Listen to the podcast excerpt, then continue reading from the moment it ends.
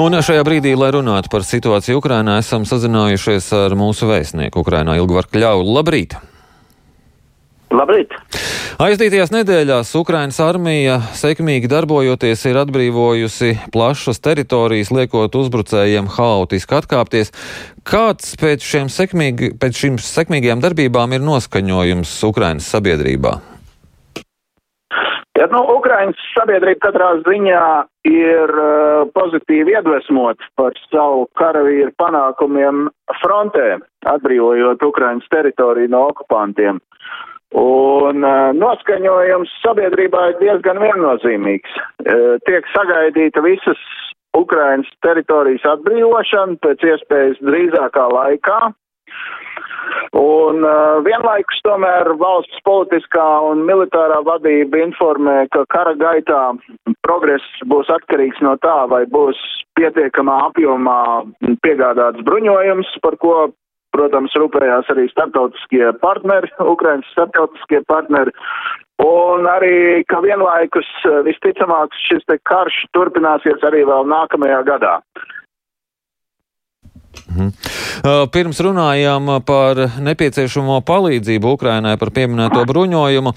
Sakiet, Cik, ar cik lielu interesi jūs, teiksim, gaidījāt vakar Putina uzrunu, kur bija gaidāms, ka viņš kaut ko varētu runāt par ties referendumiem okupētajās teritorijās, vai ir kādas reakcijas par šo nenotikušo uzrunu? Uh, jā, nu, protams, protams, kad uh, interesi bija nenoliedzami. Es arī skatījos uh, šo te reakciju, nu, Ukrainas mēdījos, no Ukrainas politiķu puses un, un, un, un dažādu politisko analītiķu puses. Un, uh, nu, var pateikt viennozīmīgi, ka, lai kas arī tur uh, neparādītos, jo tā uzruna varbūt uh, vēl kaut kādā brīdī notiks, Un uh, gan attiecībā, ja būs punkti iekšā, gan par referendumiem, tās, tā dēvētajiem referendumiem, jo tas viss tur um, vienkārši, vienkārši viltojumi, kā var, kā var to saprast un redzēt no visām tām pazīmēm. Un tam nebūs nekāda likumīga spēka, un neviens startautiski neatzīst, protams, tāds referendums. Vai arī tur ir jautājumi, kas saistās ar mobilizācijas vai daļējas mobilizācijas izsludināšanu Krievijā, tad um, reakcijas no Ukraiņu puses bija un ir diezgan viennozīmīgas, ka tam nebūs nekāda uh, iespaida uz uh, m, karadarbību frontē un ka Ukraiņas puse zina, ko viņi dara. Uh, Ukraiņa armija zina, ko viņi dara, viņi atbrīvo savu teritoriju un viņi vienkārši ies tālāk un turpinās to darīt. Neatkarīgi no tā, kas tur tiks izsludināts Krievijā um, vai attiecībā uz referendumiem vai mobilizāciju.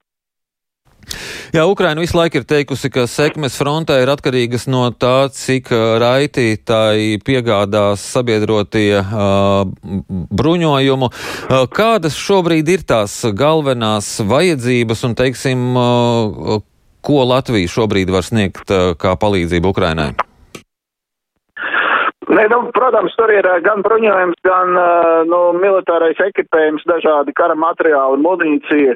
Un es domāju, ka to labāk pateiks, protams, mūsu aizsardzības ministrija, ko viņi tieši var piegādāt, bet, un cik daudz tā ir atklāta informācija, bet katrā ziņā ir lietas, mēs, kur mēs varam turpināt palīdzēt Ukraiņiem, un viņiem ir ļoti konkrētas vēlmes. Bet viņiem ir ļoti nepieciešama tālšāvēja artilērija, protams, un arī, arī bruņtehnika. Un tajā pašā laikā arī militārais transports, jo tās teritorijas, ko viņi, nu, ko viņi pārņem atpakaļ kontrolē, ko viņi atbrīvo, tas viss ir nepieciešams, jo tur uzreiz iet līdz transports, loģistika, militārā apgāde. Uh, bet savukārt, ņemot vērā to, ka tuvojās ziema, ir, ir kādas uh, vēl citas vajadzības, piemēram, bez bruņojuma? Protams, ir, ir milzīga, kā lai saka, milzīga, milzīga, ir, ir diezgan pamanāma šī te, šī te informācijas apjoms par, par ziemas drēbēm karavīriem, Un arī tajā pat laikā es redzēju arī par um, dažādām apkurs ietaisēm, kas, kuras varētu izmantot frontē par krāsniņām un tā tālāk. arī tas ir aktualizējies nu, Ukrainas informatīvā telpā. Visus šo laiku ļoti daudz amatpersonas ir braukušas vizītē uz Ukrainu, tā skaitā arī no Latvijas. Nesen bija valsts prezidents. Cik nozīmīgs ir vis, nozīmīgi ir visi šie politiskie signāli? Noteikti, ka viņi ir ļoti nozīmīgi, tāpēc, ka tas signalizē, ka Ukraina nav viena, kad Ukraina atbalsta ļoti liela daļa pasaules, demokrātiskās pasaules, un um, ir ļoti daudz nu, līdzjutēji sabiedroto un tieši veidu atbalstītāju. Un tas ir ļoti svarīgi, jo uh, tas ir arī reizē ir politisks signāls, un uh, kas padara acīm redzam, nu tad, mm, ka, ka Ukraina nav viena, ka viņu, kā lai saka, ka viņa cīņa ir taisnīga un ka visu pasauli viņus atbalsta. Un tāpēc tas ir ļoti, ļoti svarīgi. Tas ir tad galvenais signāls, tas ir Ukrainas sabiedrībai. Uh, neapšaubām, bet arī startautiskajai sabiedrībai.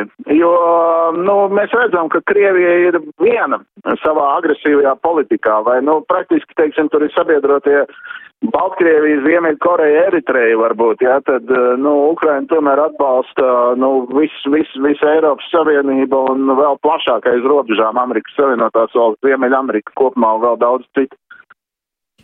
Šobrīd vēstniecība, vēstniecības darbinieki un jūs atrodaties Kievā? Jā, mēs atrodamies Kievā. Cik droši jūs tur jūtaties?